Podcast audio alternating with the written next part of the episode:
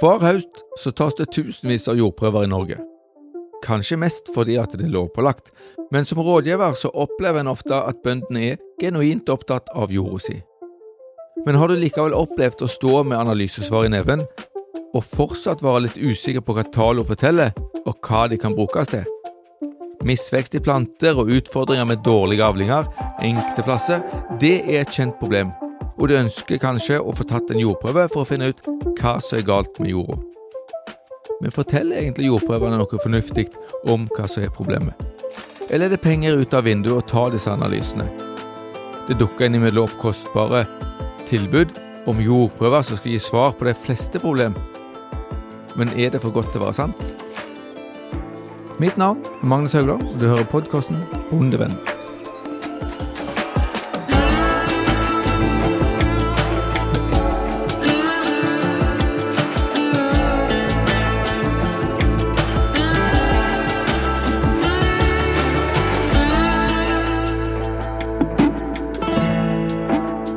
Podkasten Bondevennen blir presentert i samarbeid med Sparebank1 SR-Bank og Tveit Regnskap. Vi bidrar til at bonden lykkes.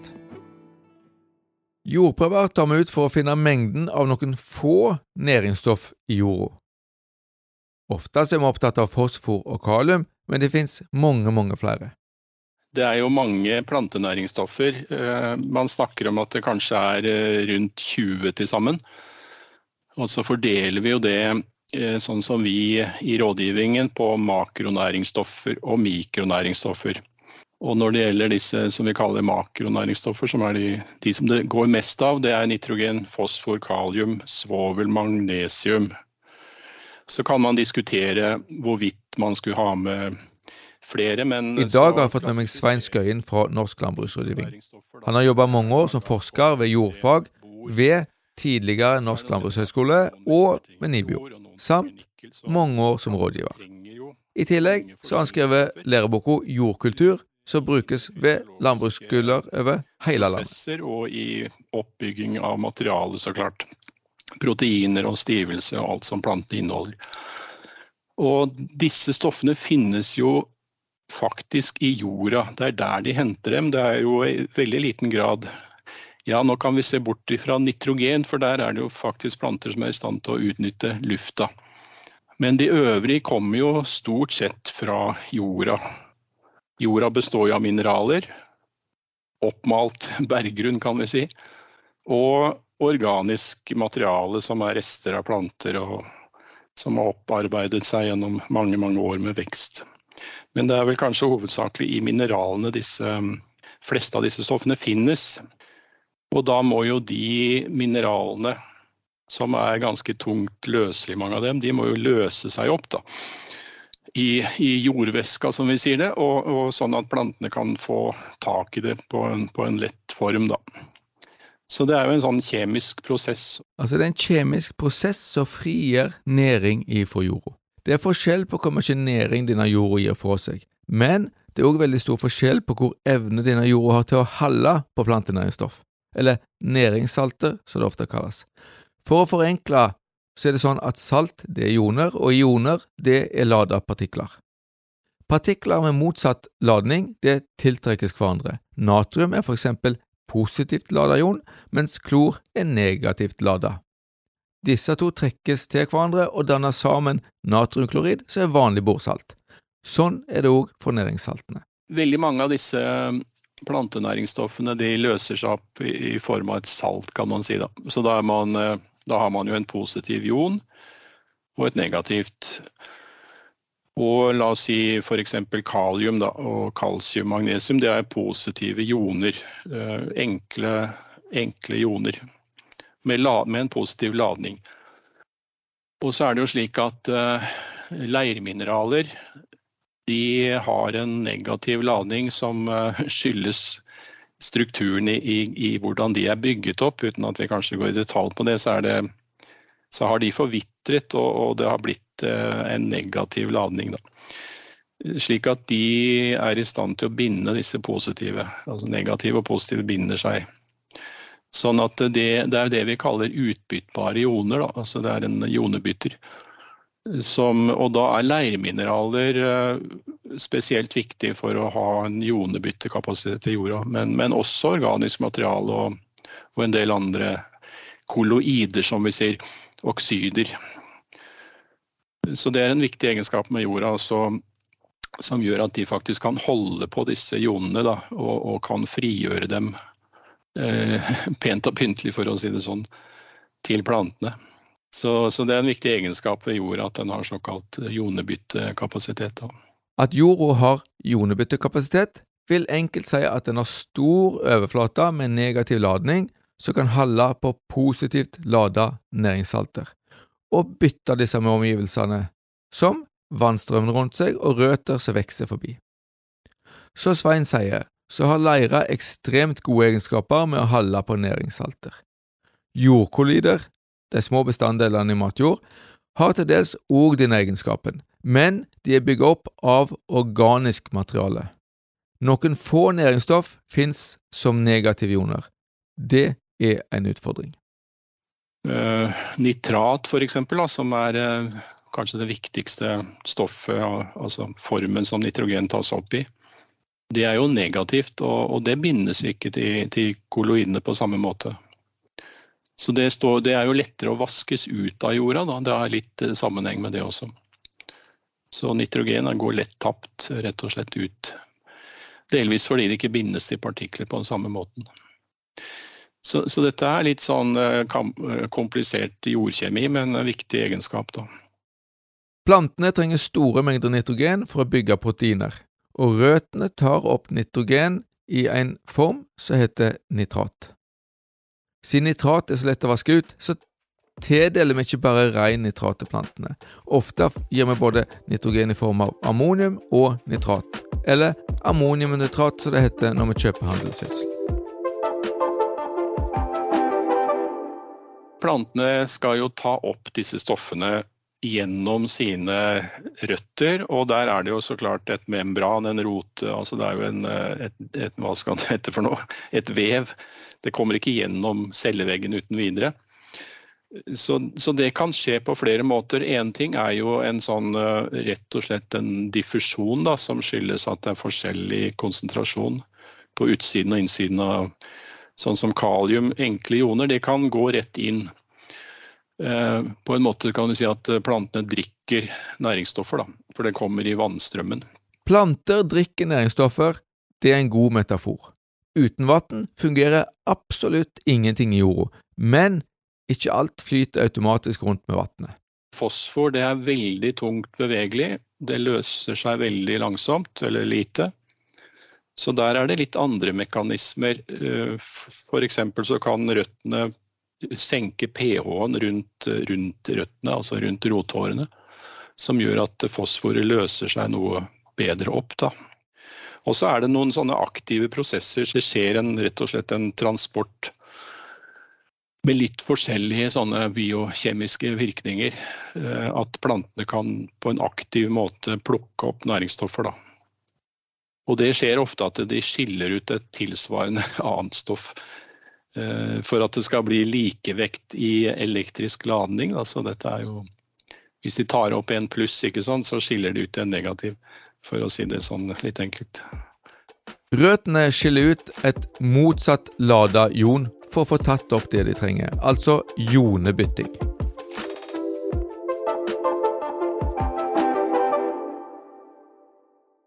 Både innholdet og egenskaper som ulike jordtyper har, gjør at de må behandles ulikt.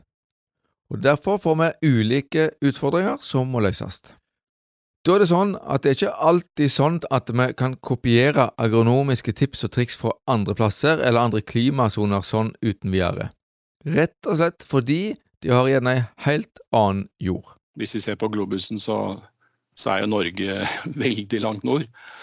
Eh, samme som Sverige for så vidt og Finland. Men uh, så der, dermed så har vi et jord som er preget av litt kaldt klima, litt fuktig klima, men også at eh, det ikke er så veldig lenge siden at dette var nediset. Altså det var istid for 10 000 år siden, ikke sant. Mens lenger syd, i Afrika f.eks., så er det millioner av år siden det var istid.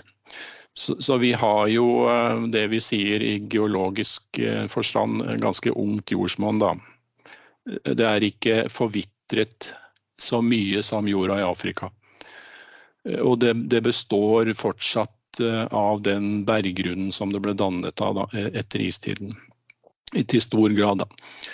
Så det er, jo, det er, jo, preget av at vi hadde istid og landheving, og mye av den jorda vi har her på Østland og Trøndelag, som er sånn leirjordpreget, ble avsatt i havet i sin tid, da. Og det er vel kanskje sånn som 30 av dyrka jorda i Norge er den leirjordstypen. Eh, som jo for så vidt varierer litt, men, men som er preget av leirinnholdet, da både i Trøndelag og på Østlandet, men også rundt omkring ellers. Men det er jo særlig her på disse slette, slettene på Østlandet at det er store, store områder. Slettene på deler av Østlandet og andre plasser som har stått under vann i senere tid, har fått lagt opp leira. Den kan være tung, tett og kald, men gi store avlinger. Har du en gard med mye leirjord, så er den ofte mer eller mindre steinfri, og jordarbeidet går som en drøm i forhold til så mange andre. Den andre store typen er jo mer uh, morenejord, som også ble dannet av isen. Og vi har det jo f.eks. i Innlandet, Oppland, i store utstrekninger, da. Og den er også preget uh, i stor grad av den berggrunnen som, som lå under der, da inneholder mye stein, men, men kan være ganske næringsrik og, og dyp. og når den ligger lett tilgjengelig og varmt og godt, så er jo det noe veldig fin jord. Fin jord for plantene, ikke for plogen. Morene er sammenraska jord, stein og grus, så isen har lagt igjen uten noen form for sortering eller lagdeling. Det heter at vår felles stolthet Kvernland ble verdens beste plogprodusent fordi han lå i et område med mye morener på Jæren. Denne jorda kan være veldig vanskelig å pløye til en har fått redusert steinmengden. Morenjord er regna som varm, ofte sjøldrenert, men får som regel best egenskaper om hun inneholder en del prosent leire. Norsk morene inneholder ofte litt lite leire, men det kommer an på hvilken fjelltype moreno er laget av. Norsk granitt gir lite lære, mens mjukere fjelltyper gir mer læreinnhold. det, jo, det ble jo dannet myrer i Norge, eller i nordiske områder, fordi eh, det er mye nedbør og lav fordampning. og vannet, Det blir vannopphopning, og plantene som vokser der, ikke sant? det blir mer og mer mose som etter hvert danner torv. Så det er vel sånn ca. 7 eh, mener jeg, av norsk jord, dyrka jord som er type myrjord. Denne myrjorda kan være et lite mareritt å drive særlig i nedbørsrike strøk. Myrjorda heller på vannet, og ofte lettere enn vann, sånn at du flyter når det mangler drenering. Kommer du da utpå med traktoren over myra, og revner, så stuper traktoren godt nedi. Ofte så vil en oppleve at hele myra gynger som en liten innsjø når en kjører utpå med tungt utstyr. Norsk myr er stort sett næringsfattige, i motsetning til myr på sørligere breddegrader. Her til lands så regner vi at myrjord bidrar med to kilo nitrogen per år for nedbryting av sjølve jordprofilet. I grasdyrking så tar en ofte ikke hensyn til dette når en lager gjødselplaner, men i kulturer som trenger mindre nitrogen, som kodden og potet, så har disse to kiloene med nitrogen for myro innvirkning. Og så har vi jo elvesletter i de store dalførene som er viktige. Jo, og det er vi i hele Nord-Norge og Finland overalt. Eller Finland, sier jeg. Finnmark. Eh, Troms. Altså det er store områder med elvesletter som, som, stort sett er sandjord. Sandsilt. Det var de store linjene. Men ellers i Norge så har vi ofte innslag av alle disse jordtypene i ei og samme bygd. Felles for alle er likevel at det er unge jordarter som ikke har rukket å bli veldig forvitra, og det er heller ikke bygd opp tjukke lag med matjord, sånn som det har skjedd enkelte plasser i verden. Verdens kanskje beste matjord ligger på breddegrader litt sør for oss. Det er jo en såkalt jord som heter svartjord, skjærenosem på russisk, som, eh, som vi finner på de breddegradene egentlig rundt hele jordkloden, på, i prærien. Vi finner det på sydlig breddegrad, på Pampasen. Men faktisk eh, jeg tror det er noe sånn som 25% av den jorda i verden, den finnes i Ukraina. Så jeg har jo tenkt som så at det er jo ikke, det er jo ikke bare pga. nazister at han Putin vil eh, erobre Ukraina. Det tror jeg er et påskudd. Jeg mistenker han for å prøve å få kontroll over den enormt rike jordbruksarealet som er der nede. Og det er jord som, som ble avsatt for, for, veldig lenge siden, som var kanskje eh, vindavsetninger fra disse store isbreene som da lå lenger nord. Det kom jo ut jord, jord fra disse elvene, ikke sant. Og etter hvert så ble det den gangen var det ikke noe vegetasjon, så det ble lagt opp store områder med vindavsatt jord. Da, som er ganske siltrik og finsand. Og så har det jo vært beitedyr i tar jeg kanskje i, men i millioner av dyrs år så har det gått eh, grasetere på disse slettene. Og det har vært sånne savanner og pampasser og sletter hvor gresset har blitt tråkket ned og etter hvert bygget opp en, en stor og dyp organisk eh, profil. Da. Eh, så disse jordene er jo kanskje flere meter dype og, og, veldig mye organisk innhold. Og så er de veldig utsatt for eh, erosjon da, og vinderosjon. Men, men, det er jo da kjent som de mest fruktbare jordene i verden, egentlig. Vi har faktisk den jorda i Norge Sånn som, men det er veldig små, små områder vi har det. De fleste av verdens jordtyper har vi lite av i Kjås. Og gjødslingsråd, agronomi og dyrkingsveiledninger er lagt opp til de jordtypene vi har i Norge. For å vite hvordan vi skal gjødsle, så må vi ta ut jordprøver.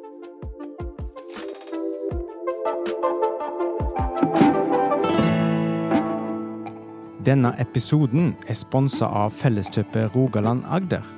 Felleskjøpet arbeider hver dag for din lønnsomhet som bonde, og for lokal og norsk matproduksjon. Ta kontakt med en av våre konsulenter, eller gå inn på nettsidene våre bondekompaniet.no. Det er jo lenge siden man begynte å ta jordanalyser.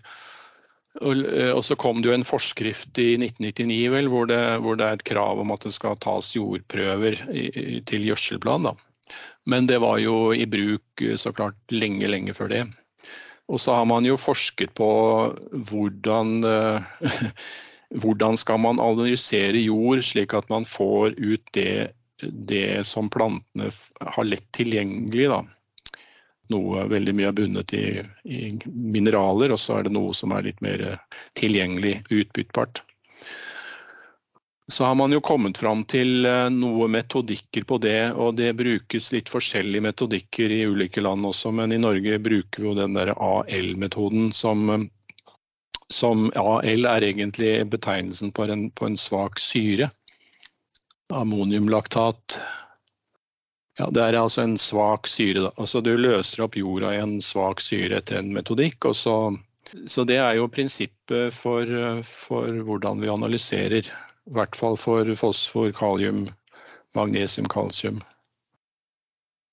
Eh, så er det sånn vi gjør det. Og så er det ikke sånn at det er noe sånn helt direkte sammenheng da, mellom planteresponsen og disse tallene. Den er egentlig ganske svak, fordi det er mange andre forhold som betyr noe for hvordan plantene vokser. Men den gir jo en indikasjon på om det er mye eller lite. Og litt sånn over tid så kan man jo se litt trender, da. Fordi at uh, vi har jo liksom satt noen, noen, rådgivende tall her. Hva som er tilstrekkelig, og hva som er for lite og hva som er for mye. Da. Så kan man justere gjødslinga opp eller ned, da. Jordprøvene forteller i grove trekk hva som er tilgjengelig for plantene, men det er mange andre faktorer som kan ødelegge for næringsopptak og veksten til plantene. De vanligste problemene vi har, er jordpakking, vassjuk jord eller for låg pH. Og det er bare den siste av disse du får svar på ved hjelp av jordprøver. Jordprøvene sendes til laboratoriet så snart som mulig. Jeg har snakka med laboratoriesjef Jon Sigurd Haaland i Felleskjøpet Rogaland Agder om hva som skjer med jordprøvene når de kommer inn til deg. Eh, når jordprøvene kommer inn til oss, så eh, pakker vi de ut og eh, registrerer de inn i vårt system. Så hver jordeske pakkes opp og settes åpne inn på et tørkerom der temperaturen er mellom 35 og 40 grader. Der må de stå til de er tørre. Og det kan ta alt fra et par dager til ei uke. Så tas prøveeskene ut derifra, og vi solder alle prøvene gjennom et 2 mm sold. Fjerner stein og lager en homogen blanding av prøvene. Eh, så veies prøvene inn i to omganger. En del av prøven går til mineralanalyse, der prøvene løses opp i syre. Og en del av prøven veies inn til en pH-analyse. Da løses de opp i vann. En del av jorda løses altså opp i vann for å måle pH. Vi får ofte spørsmål om ikke bonden like godt kan teste pH i jorda sjøl, uten å ta kostnaden ved å sende jorda inn til analyse. Svein er skeptisk til å teste sjøl. Det kan man jo selvsagt gjøre, men det er jo da igjen Vi vet ikke riktig hva vi måler. Altså For det første, så pH-verdien kan jo variere en god del fra vår til høst. Fordi plantene skiller ut syre og bakteriene og soppen. Det, det er prosesser der, da. Men, men, pH er jo viktig fordi den angir jo liksom eh, tilgangen på plantenæringsstoffer. Eh, jordliv, eh, for så vidt. Og så er det, jo, er jo en del av denne kationebyttekapasiteten som vi snakket om. Den er pH-avhengig. Så jo surere det er, jo mindre er den. Altså den varierer med pH, da. Så det kan bli litt teknisk, men, men pH er viktig, og, og, ikke så lett å måle, faktisk. Man kan jo bare gå ut og prøve med et pH-papir, så ser du at det vil variere Altså Der får du jo bare en angitt en skala, kanskje, eller en cirka PH. da. Så jeg vil anbefale at man, eh, man bruker den standardanalysen på det, da. Ok, vi sender altså jorda inn til laboratoriet for å finne pH, og for å finne mengden næringssalter eller mineraler. Når vi analyserer prøvene for mineraler, så løser vi de opp i ei syre som består av ammoniumlaktat og eddiksyre. Dette er for å simulere de plantetilgjengelige, de plantetilgjengelige mineralene. Så det er ikke en totalanalyse av mineraler, det er plantetilgjengelige mineraler. AL-metoden er den metoden vi bruker for analyse av mineraler. Det er en metode som er lagt på 1960-tallet eller noe sånt, som da, har gjort forsøk der eh, dette simulerer best plantetilgjengelige mineraler. Plantetilgjengelige mineraler. Det er hva testmetoden er laga for å finne, og det finner mengden næringssalter per 100 gram jord. Har du et kaliumtall på 15, vil det si at en i prøven fant 15 milligram tilgjengelig kalium per 100 gram tørr jord, ikke per liter eller per desiliter jord. Det har ikke så veldig stor betydning, men ei tørr Myrjord kan godt veie under halvparten av ei tung leirjord. Viser noen av prøvene dine et veldig låg volumvekt på analyseresultatet, så er det antageligvis myrjord. Standardprøvene etter AL-metoden viser hva som er tilgjengelig for plantene. Men noen ganger så ønsker vi å finne mer enn dette. Spesielt gjelder kalium når vi tester for syreløselig kalium. Syreløselig kalium er en analyse for å finne kaliumen som er tungtløselig, altså en som vil være tilgjengelig over lengre tid for plantene. Den lettløselige kalium får vi på uh, den standard AL-metoden. Tungtløselig kalium er en egen analyse der prøvene blir kokt i salpetersyre. Og da vil vi få et høyere tall, altså, eller vi får ut mer kalium fra, fra prøven. Koking i salpetersyre det er relativt voldsom behandling som skulle kunne løse opp det meste. I lærmineraler finnes ofte mye kalium som vil frigjøres over lang tid. Dette har stor betydning for å beregne hvor mye en trenger å tilføre med gjødsla. Spesielt på Vestlandet, der er det stor utvasking på grunn av store nedbørsmengder. Da vil syreløselig kalium være ei bedre rettesnor enn å teste for lett tilgjengelig kalium målt med å vaske jorda i ammoniumlaktat. I tillegg til å se på det syreløselige kalium, så forteller jordarten en del om hva som er tilgjengelig. Til mer lære i jorda, til mer kalium kan en regne med at du bidrar med. Jordart bestemmer jo prøvene ved mottak. Så vi, når vi pakker de opp, så korrigerer vi, eller så sjekker vi hva jordtype kunden har krysset for, og så artsbestemmer vi jorda da ved egentlig for hånd. Altså vi går gjennom sjekkpunktlista og sjekker om det er sand, om det er leire, om det er silt eller organisk jord. Inneholder jorda mye organisk materiale, sånn som feit, svart matjord eller myrjord, vil du kunne bidra med en del nitrogen. Men så er spørsmålet hvorfor analyserer vi ikke for nitrogen? Det er mulig å ta prøver av nitrogen, og det har blitt gjort en del. Og da har man tatt det på våren. Men det er, det er mest at dette er gjort i, i forskningen. altså NIBIO har gjort det på utvalgte områder, da, og så gitt ut et varsel om, om, at nå er det så og så mye nitrat tilgjengelig i jorda. For det har ikke så veldig mye mening å ta det på egen hånd, fordi at for det første må prøvene helst eh, fryses ned. Så det er mye mer vanskelig. Og så varierer det veldig fort. Du kan ha tilgjengelig nitrat av jorda eller ammonium på våren, men så kan det bli veldig fort spist opp da, av eh, både bakterier og planter. Så det varierer jo mye mer. Det er kanskje litt begrensa hva vi egentlig finner med å se på en jordprøve. Vi kan selvsagt teste for en rekke flere stoffer enn de to standardnæringsstoffene som er kalium og fosfor. Laboratoriet tilbyr tester for kobber, bor, jern, mangan, molybden, sink og svovel, og dette kan være aktuelt å diskutere med en rådgiver.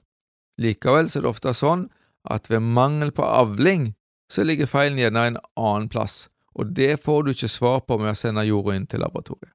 Du får jo ikke noe om jordstrukturen, da. Og dette her er litt diffuse begrep som heter jordhelse, det får du vel ikke så mye informasjon om.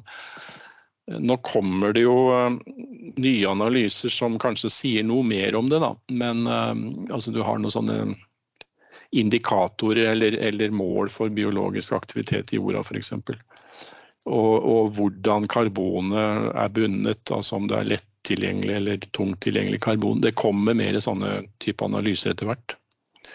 Så, men det viktigste tror jeg er rett og slett uh, jordstrukturen, da. Men, men, hvordan røttene trives i denne her jorda, det, det må du nesten gå ut og se sjøl. Det kan du gjøre sjøl, ja. Det er kulere å sende jorda inn til analyse og få et avansert svar tilbake om hva som må tilføres jorda for å løse problemene. Ofte så kommer det inn rådgivere fra våre naboland som selger alternative analyser som skal gi mye bedre og mer omfattende svar enn standardprøvene.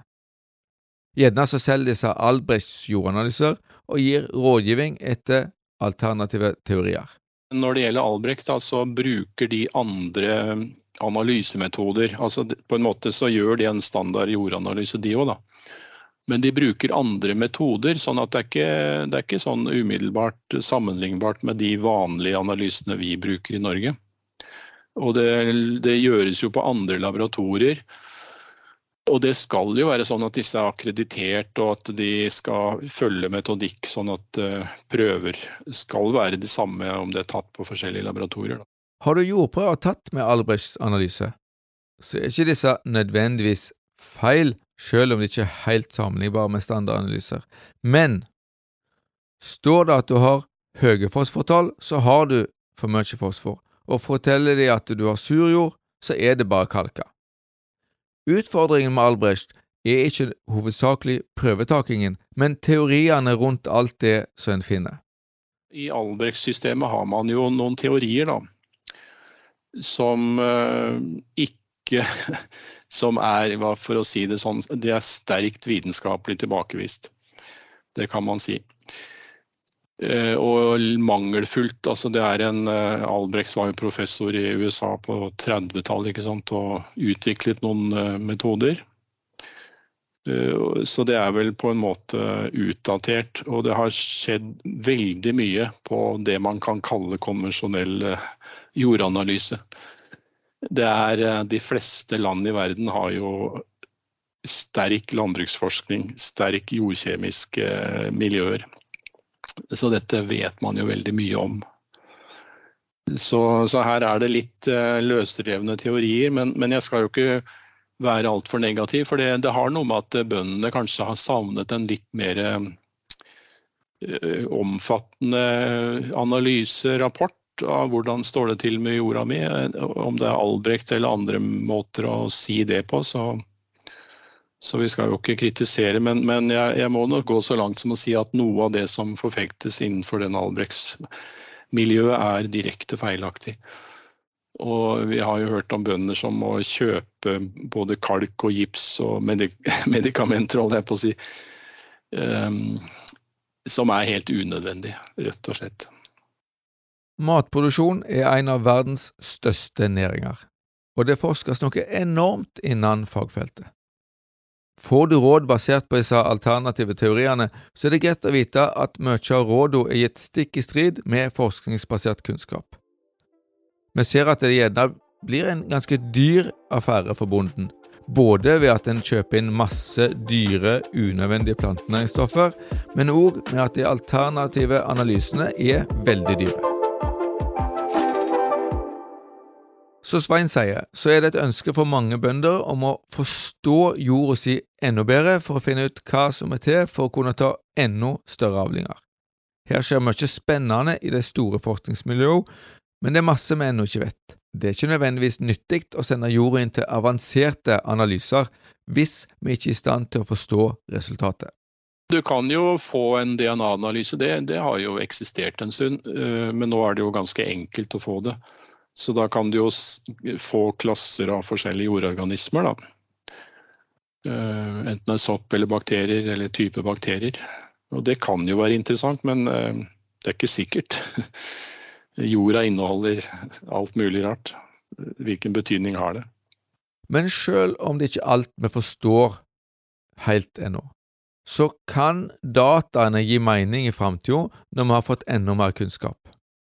Og så må det nevnes at av og til så tar en prøver for å finne enkelte skadedyr blant jordlivet, sånn som nematoder som gjerne kan ødelegge potetavlinger. Og da er det jo både praktisk og nyttig. De siste åra har vi jo blitt enda mer oppmerksom på at dette er at jordbiologien er viktig. da. Det er ikke bare disse nitrogenfikserende bakteriene som noen vekster har, men det er også bakterier eh, rundt jord, altså rundt røttene, som, som hjelper til faktisk da, med å gjøre disse næringsstoffene mer tilgjengelige. Og, og, så har vi jo dette med mykorrhiza, som er en eh, symbiose mellom sopp og planter, hvor soppen på en måte blir en forlengelse av rota. som eh, så det er mange forskjellige prosesser som plantene bruker da, for å få tak i rett og slett ganske tungt løselige stoffer. Så dette har jo tilpasset seg gjennom tusenvis av år, så klart. Og så er det som jeg sa viktig at røttene får anledning til å vokse. Da. Ikke sant? De trenger en litt løs struktur, og de trenger vann. Og de trenger en temperatur. Så hvis det er for kaldt, for tørt, for vått, for tett, så kommer jo ikke røttene noen sted. Og dermed så får de heller ikke tatt opp eh, næringsstoffer. Så det er jo en veldig viktig del av dette her, da, som altså jord, jordhelse, jordkultur, jordstruktur. ikke sant? Det er, det er viktig. Røttene må vokse konstant for å fungere.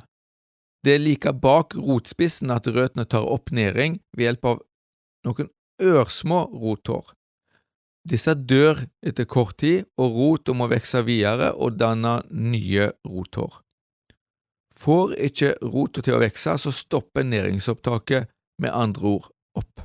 Det som jeg har sagt liksom helt siden jeg begynte som eh, forsker på jordkultur, eh, prøv å bli kjent med jorda di. Fordi altså, nå er det jo så mye fine kart. da. ikke, det dekker ikke hele landet, riktignok, men altså, på Nibio-kilden så finner man jo i hvert fall geologiske kart. ikke sant? Og prøv å bli litt kjent, for det så varierer jo det mye fra over gjennom gården.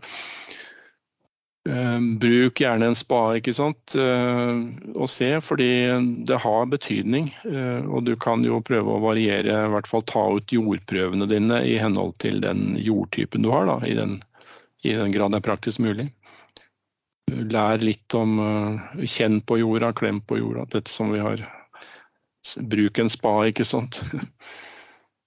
Vi har denne jordlappen, ikke sant, som er en sånn diagnose liten sånn øvelse eller sjekkliste på hvordan du skal vurdere jordhelsen din, jordstrukturen og rotutviklingen. Det, det kan være ganske nyttig.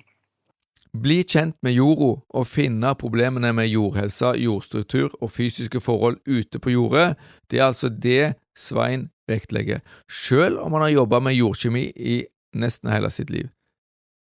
Det stemmer òg med erfaringene fra annen rådgivning. Svaret finner vi ofte ute på bøen, heller enn i analyseresultatet fra laboratoriet. Så sant pH er i orden, da. Og pH det må du sjekke med å sende jorda inn til laboratoriet. Som en oppsummering av episoden så vil jeg at du skal sitte igjen med tre ting. For det første, ta ut jordprøver, men har du problemer med manglende avlinger, så er det som regel låg pH som er den avgjørende parameteren som du skal se på i analysesvaret. 2. Alternative jordprøver med avanserte svar og teorier det skal en være skeptisk til. Med nye analysemetoder så kan en finne veldig mye data, men vi har ikke helt kunnskapen ennå til å gi oss nytte av de svarene som vi får. 3. Det viktigste vi gjør for å finne tilstanden på jorda, er fortsatt å gå ut og se på drenering og jordstruktur, eller jordhelse. Det er en krevende del av agronomien som vanskelig kan tas i en podkast. Du har hørt podkasten Bondevenn. Mitt navn er Magnus Haugland. Til vanlig når jeg ikke lager podkast, så jobber jeg i Norsk landbruksrådgivning i Rogaland, og episoden er spilt inn i ABC Studio i Etne. Lyd ved Stig Morten Søren.